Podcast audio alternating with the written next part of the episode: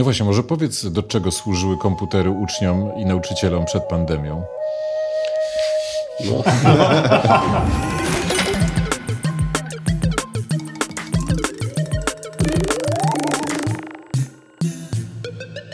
Uczniowie mieli zajęcia z informatyki pani zadała pracę, żeby za 30 minut uczniowie wrócili z wykonanym zadaniem. No i sama zajęła się swoimi sprawami, zapominając o tym, że udostępnia ekran. No i w związku z tym uczniowie przez pół godziny oglądali, jak ich pani profesor montuje film z pogrzebu jej ojca. 30 minut patrzenia starszego pana w trumnie. No naprawdę byli skutecznie zdziwieni.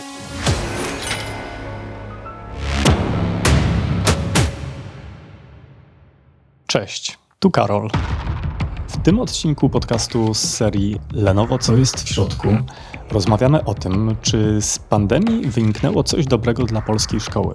Jak zmienia ją technologia, co ułatwia i co utrudnia nauczycielom pracę, a uczniom naukę oraz co z przyszłością szkoły ma wspólnego Lenovo.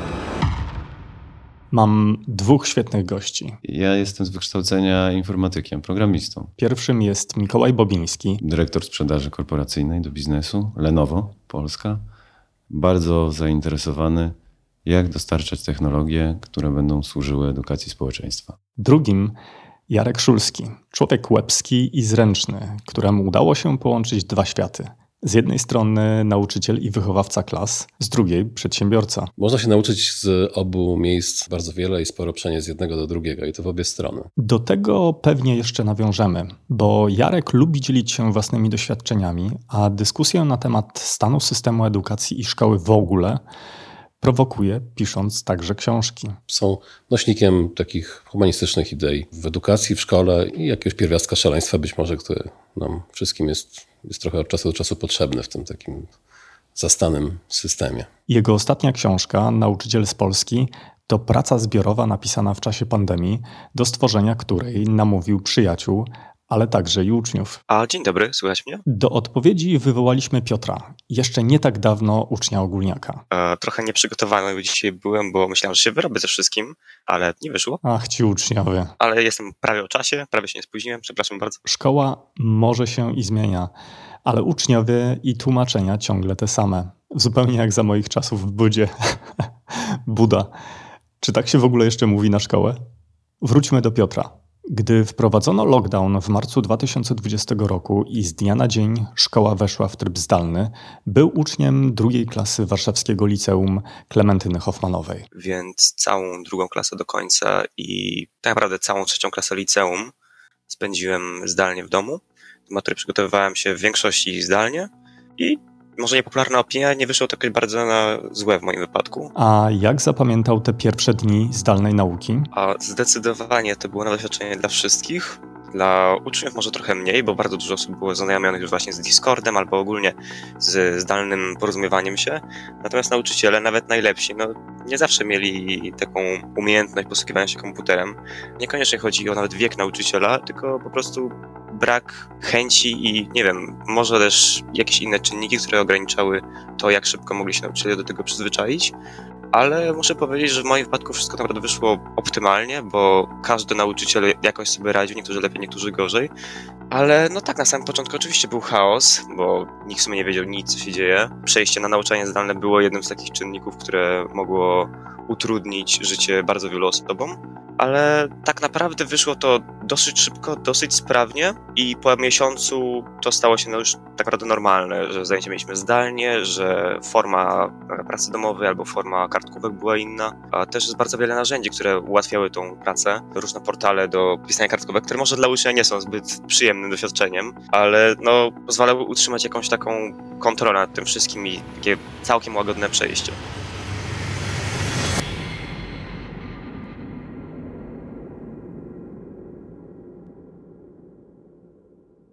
Wydaje mi się, że dzięki pandemii to my dorośli odkryliśmy sporo zaułków internetu, których nie znaliśmy wcześniej.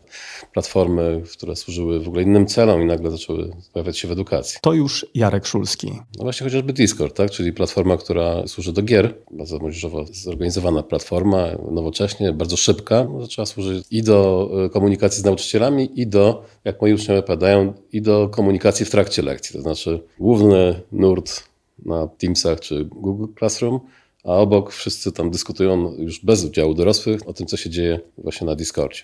Pandemia doprowadziła do tego, że wszyscy byliśmy trochę zagubieni, trochę działaliśmy w takiej próżni, do tego, że wszyscy mieli, albo większość miała dosyć. Z jednej strony mieli głód no, relacji społecznych, a z drugiej strony no, pokazała, że szkoła inna jest potrzebna, więc sporo moich uczniów w ogóle nie chciało wracać do, do szkoły takiej, jaka ona była. Tak? Znaczy, bardzo im pasowało to, że ta pandemia przyniosła pewnego rodzaju wolność, mniej się traciło czasu, można było trochę więcej mieć wpływ na to, co robię i można było wyciszyć nauczyciela, co w normalnej szkole jest nie. Tak, pokazał, że to jest możliwe, ale też wbrew pozorom, pomimo tego, że to jest bolesna zmiana, to jest to najszybsza zmiana, bo przyzwyczajenia nie grają, nie, nie grają roli. Nie da się, nie można, takie są przyzwyczajenia, a dzisiaj jest inaczej. Legislacja nagle staje się możliwa. I od tego już nie uciekniemy. Wydaje mi się, że, że i dorośli, i uczniowie zobaczyli, że ta technologia daje wolność, może dać dostęp do bardzo dobrej edukacji w każdym miejscu na Ziemi, dostęp do doskonałego nauczyciela też e, w każdym miejscu na Ziemi. Kiedy się patrzy na dyskusję na świecie w temacie edukacji, to jest takich kilka wątków, które warto wziąć pod uwagę, myśląc o tym, jak, w jaki sposób technologia nam będzie towarzyszyła. Tak? Znaczy, po pierwsze, wszyscy się zgadzają, że ten system, który jest, nie działa. Tak? Jakby, trzeba go zmienić. Nie do końca wiadomo jak, ale na pewno nie działa. Tak? Wszyscy się zgadzają i to też nie podlega dyskusji, że szkoła nie powinna być miejscem transferu wiedzy, tylko dominuje dzisiaj w debatach tak zwany konstruktywizm, czyli fakt, że edukacja powinna być przeżywana w jakiś sposób. Tak? Że to nie powinien być suchy przekaz, tylko. Nie transfer, tylko, tylko jakieś wspólne konstruowanie wiedzy. Tak? Więc w związku z tym jakby tutaj nauczyciel i technologia mu służąca no, powinni trochę się zamienić w takiego architekta sytuacji edukacyjnych, tak, rozwojowych. Oczywiście mówi się o edtechu, tak, o technologii, no i ten dominujący głos jest taki, że edtech nie, nie będzie zbawcą edukacji, ale będzie nieuniknionym elementem, tak, bo nawet jeśli dzisiaj byśmy zdecydowali, nie, odrzucamy technologię, to i tak nic nie wskuramy. To nie jest tak, że możemy sobie dzisiaj ustawić, nie, nie będziemy używać technologii. Będziemy, tak? Znaczy będziemy zmuszeni właściwie do, tego, żeby używać, używać technologii, ale w inny sposób. Nie? Tylko, że cała idea polega na tym, że ta technologia jest bardzo wielowymiarowa, no bo z jednej strony musimy posiadać jakiś sprzęt, jednostkę, na której coś robimy. Ta jednostka musi mieć też łączność. Dzisiaj są różne rzeczy, które tą łączność zapewniają. Z jednej strony jest w Polsce przynajmniej OSE, czyli ogólnopolska sieć edukacyjna, która ma zapewnić dostęp internetu do każdej szkoły.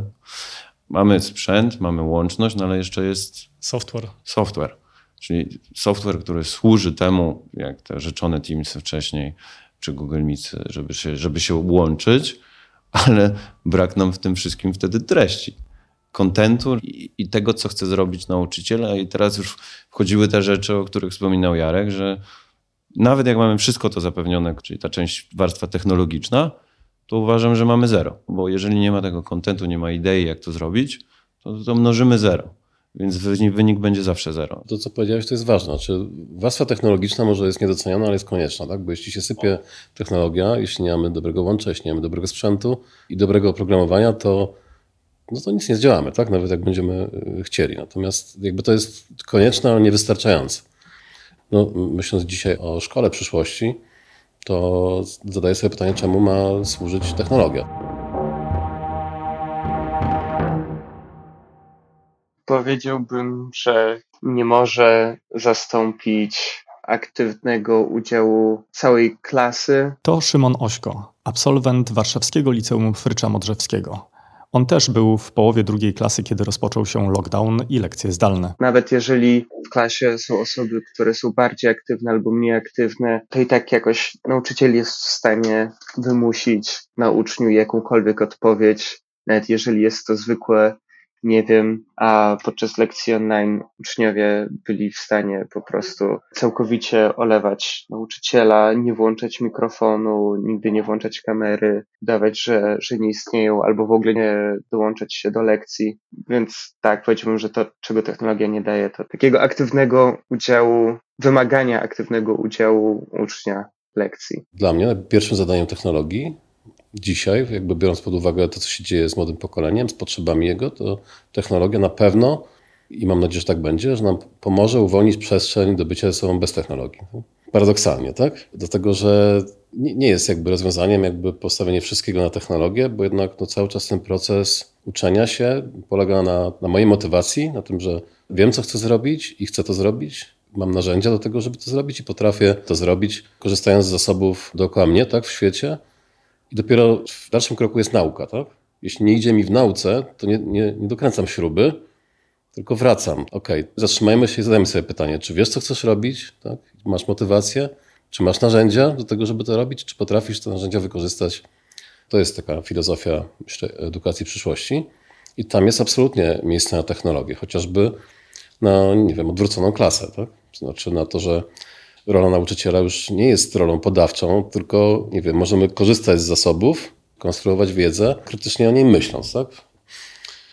To też jakby zmienia w ogóle podejście do, do zawodu nauczyciela, nie? bo dziś ten zawód jest tak skonstruowany, że żeby uczyć matematyki, to trzeba skończyć studia matematyczne i malutki blok pedagogiczny, dydaktyczny. Tak? A dzisiaj potrzeby są takie, że właściwie potrzeba dzisiaj przede wszystkim pedagogów, dydaktyków, czyli takich ludzi, którzy moderują proces kształcenia ogólnego, tak, rozwoju i ewentualnie z kursem z matematyki, tak, bo po co w szkole podstawowej jakby magister z matematyki? Trzeba bardziej potrafić pracować właśnie z, z młodymi ludźmi dydaktycznie i pedagogicznie, a żeby mieć na to przestrzeń, to warto wykorzystać technologię. Między innymi dlatego mój obszar zainteresowań zmienił się w stronę edukacji, bo, bo muszę rozumieć, co tam się dzieje, żeby, żeby być świadomym dostawcą technologii. Wiemy, że zmieni się pod względem ilości komputerów, które są w szkole dzięki działaniom e, Ministerstwa Edukacji, ale zależy nam, żeby to miało jakiś efekt. I wspólnie na przykład ze Związkiem Cyfrowa Polska przeprowadzamy test, test cyfrowych kompetencji. W tej chwili jest to ponad 10 tysięcy uczestników tego testu. Z regionu Europy Środkowo-Wschodniej są to Czechy, Słowacja, Polska i Węgry. Nie robimy tego sami. Do związku przynależy duża część świata technologii i Microsoft jest znanym dostawcą różnych technologii do, do edukacji i Google teraz się uaktywnił i w tym świecie ma swoje parę słów do powiedzenia. Uczestnikami tego testu są nauczyciele i uczniowie, czyli chcemy to zrobić świadomie. Będziemy wiedzieli, jaka jest wiedza wśród nauczycieli. Oczywiście gdzieś tam jakaś średnia. Będziemy wiedzieli, co trzeba zmienić w związku z tym kompetencyjnie, jeżeli będziemy w stanie to zmienić. Na szczęście dzisiaj mamy na to czas. Mikołaj, a jak wygląda zatem hardware? Taki, który nadąża za tymi potrzebami? On nawet w cechach zewnętrznych jest inny, jeżeli on jest dedykowany do edukacji. To znaczy, to nie jest sprzęt, który ma wyglądać. To nie jest jego cel. Celem tego sprzętu jest trwać. Przetrwać. Przetrwać, bo szkoła to nie jest konsument.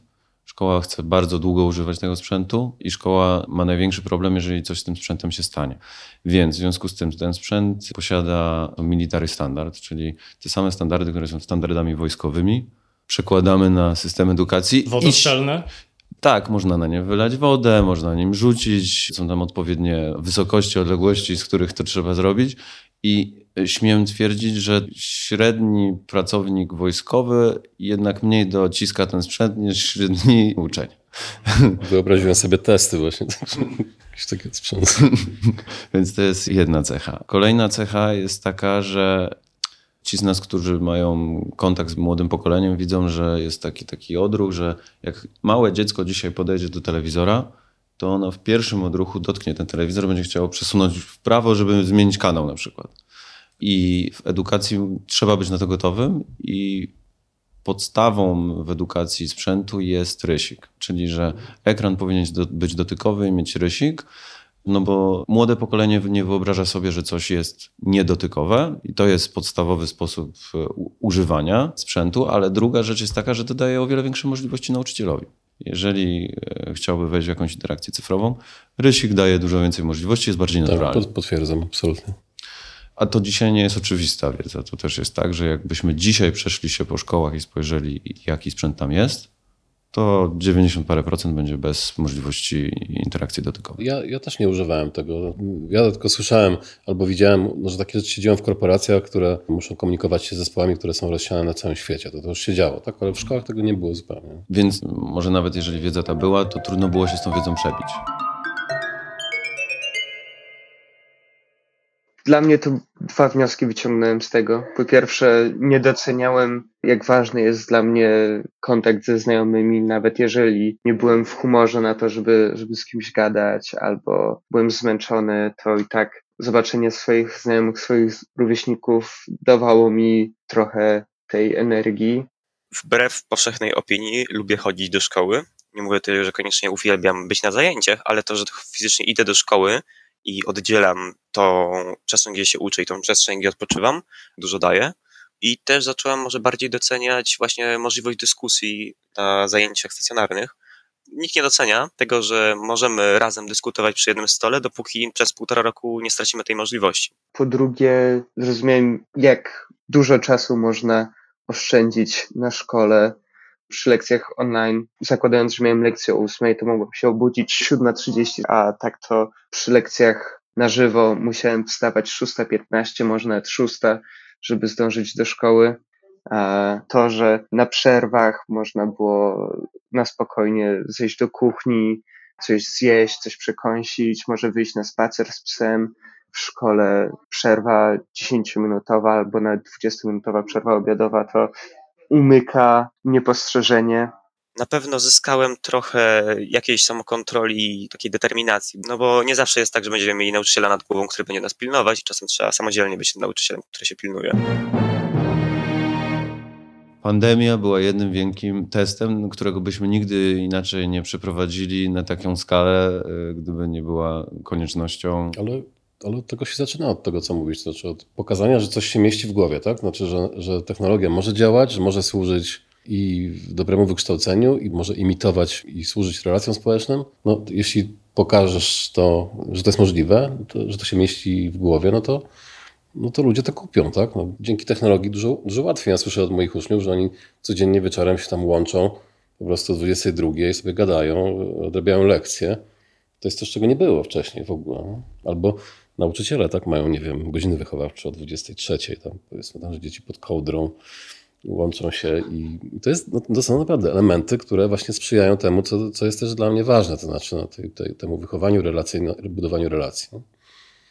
Znaczy, trzeba pokazać, że technologia stanie się elementem naszego, naszego życia i szkoły, rozwiązując problemy różnego rodzaju. Może służyć relacjom społecznym, ale może służyć, nie wiem, wyrównaniu szans, bo jeśli wyobrazić sobie, że masz świetną lekcję w Warszawie z jakimś super nauczycielem z super szkoły, no to ona może być przecież, nie wiem, udostępniana wszędzie, tak? I ta lekcja może być potem poddana dyskusji już, nie wiem, z wychowawcą. Po prostu nagle mamy dostęp do świata, zmienia się rola nauczyciela i, i ten, ten, te modele trzeba moim zdaniem pokazywać, bo może się okazać, że te nowe modele szkoły związane z technologią są tańsze. No tak, niektóre z tych rzeczy dopiero powstają, bo z niektórych potrzeb dopiero sobie zdaliśmy sprawę. Czyli to, co dotykał Jarek, że chcielibyśmy mieć element społeczny w nauczaniu zdalnym i dzisiaj jest to trudne, no bo trudno, żeby włączając, wyłączając kamerkę uznać, że to jest y, element społeczny jest spełniony. To musi powstać. Lubię łączyć tę technologię z analogiem i jakby ja oczami wyobraźni sobie widzę jakieś, nie wiem, samochody wyposażone w technologię, które na przykład służy do nauczania biologii, w którym jest wszystko, co trzeba i gdzie zabieramy dzieci do lasu i w tym samochodzie jest wszystko, co potrzeba do obserwacji przyrody, do analizy różnych rzeczy, tak? Próbek, niepróbek i tak dalej. I gdzieś tam ta technologia też może służyć temu, żebyśmy też byli zatopieni trochę w przyrodzie, tak? w pewnym sensie. No że jakieś nowe modele się po prostu pojawiają w edukacji też, tak? Gdzie ta technologia może służyć znowu temu, żeby być tam, gdzie czasami być powinniśmy, czyli na przykład w górach czy w lesie.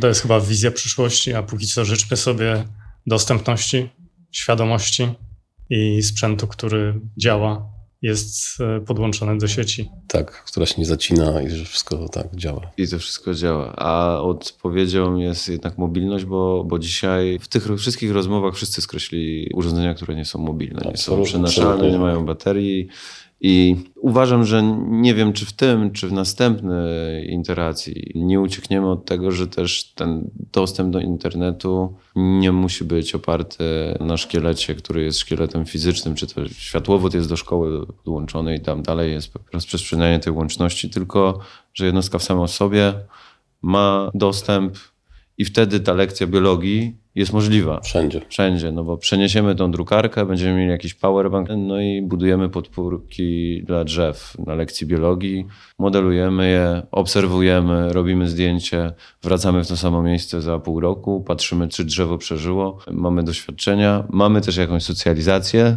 jest przygoda i tego chyba bym sobie życzył i naszym dzieciom także, żeby w takiej szkole się uczyły.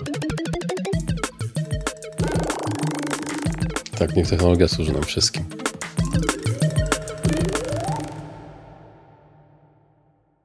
Na koniec warto dodać, że produkty Lenovo dedykowane branży edukacyjnej wspierane są przez firmę Microsoft i pracują na systemie Windows 11. Kolejny odcinek serii realizowanej z Lenovo za nami, zatem nie pozostaje mi nic innego, jak powiedzieć do usłyszenia w kolejnym i niech podcasty będą z Wami. Dzięki za to spotkanie i Wasz czas. Pomysł serii i produkcja Karol Stryja. Scenariusz, realizacja, montaż i udźwiękowienie Michał Kukawski. Zdjęcia Mariusz Wilka. Wideo Jan Toruński.